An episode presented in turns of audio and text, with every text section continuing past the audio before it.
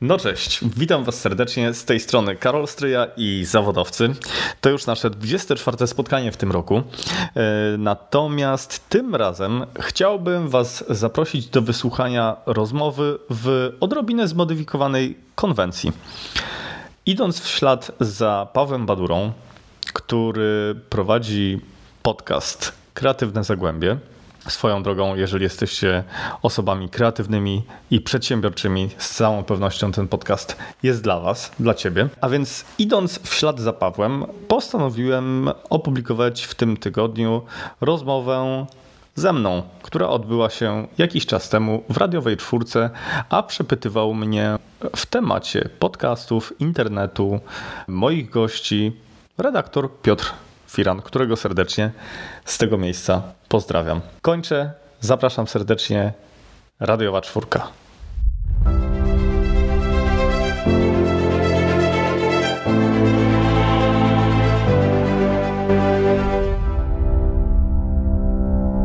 Moim gościem jest Karol Stryja, podcast zawodowcy. Karol, na co dzień zajmujesz się marketingiem. Nagle y, kilka miesięcy temu w zasadzie y, zacząłeś działać jako podcaster. Jaka historia za tym stoi? Historia jest bardzo prosta. Mhm. Od jakiegoś czasu zastanawiałem się, e, co zrobić, żeby spotykać nowych ludzi i mhm. poznawać ich e, historię. A prawda jest taka, że e, bardzo lubię rozmawiać. Zatem podcasty były naturalnym sposobem, żeby to osiągnąć. Jak ty sobie to wymyśliłeś, ten cały kanał? Zajmujesz się marketingiem, niektórzy udzielają porad na YouTubie. E, jeżeli ktoś się zna na e, programach, które obsługują grafikę, też tam udziela instruktażu i tak dalej, i tak dalej. Ty marketing w ogóle zostawiłeś i spotykasz ludzi, którzy mają historię do opowiedzenia.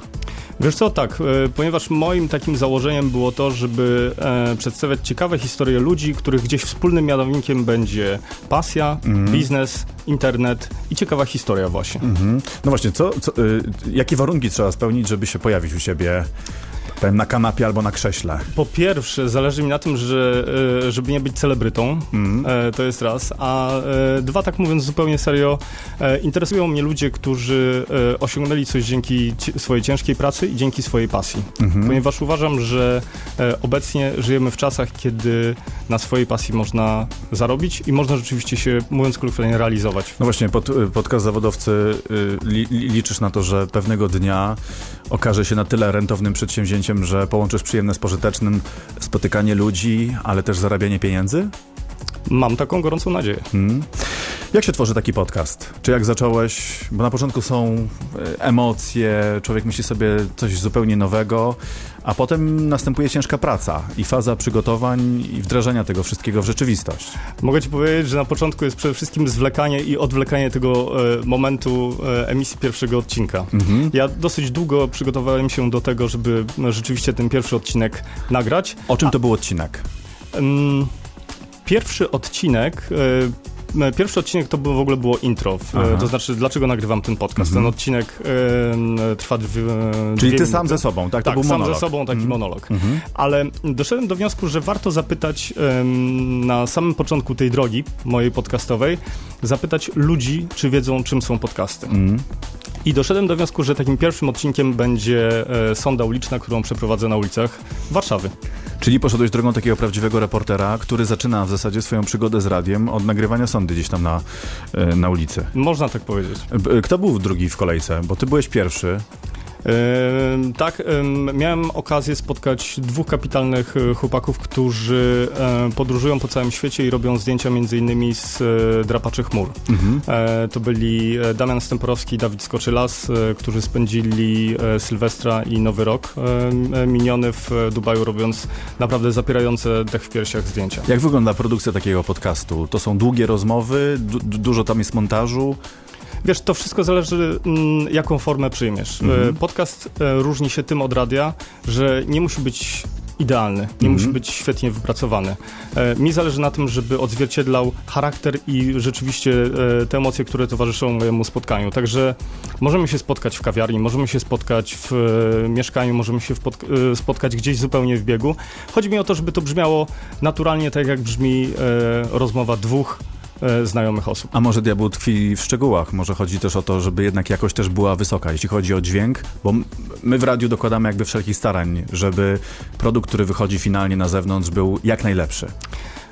Mam wrażenie, że ty też. No, dziękuję, miło mi to e, słyszeć. Rzeczywiście zacząłem od tego, że kupiłem po prostu, e, myślę, w miarę pro, profesjonalny sprzęt do nagrywania, po to, żeby ta jakość była rzeczywiście miła dla, dla ucha. Wspominałeś o tym, że chciałeś poznać nowe osoby. Zastanawiam się, kogo udało ci się poznać, jakie historie em, cię urzekły, no i z kim najlepiej ci się rozmawiało. Ale o tym między innymi sobie porozmawiamy za chwilę. Tu czwórka, Polskie Radio, 22 minuty po godzinie 16. Dzisiaj o podcastach w czacie czwórki rozmawiamy. Moim gościem jest Karol Stryja, autor podcastu y, Zawodowcy. Kogo poznałeś przez ten czas? Tak obserwuję czasami twój kanał i po- pojawiają się y, coraz to inne osoby, całe portfolio tych osób. E, Rzeczywiście, Piotrek, przede wszystkim dzięki za, za uwagę i za śledzenie tego kanału. Wiesz, powiedziałem sobie na samym początku, że chciałbym zapraszać do podcastu ludzi, których nie znam. Mm. E, większość tych podcastów, które ja gdzieś e, słyszę, to rozmowy ludzi z ludźmi, których dobrze znają i z których, że tak powiem, autorzy podcastów czerpią.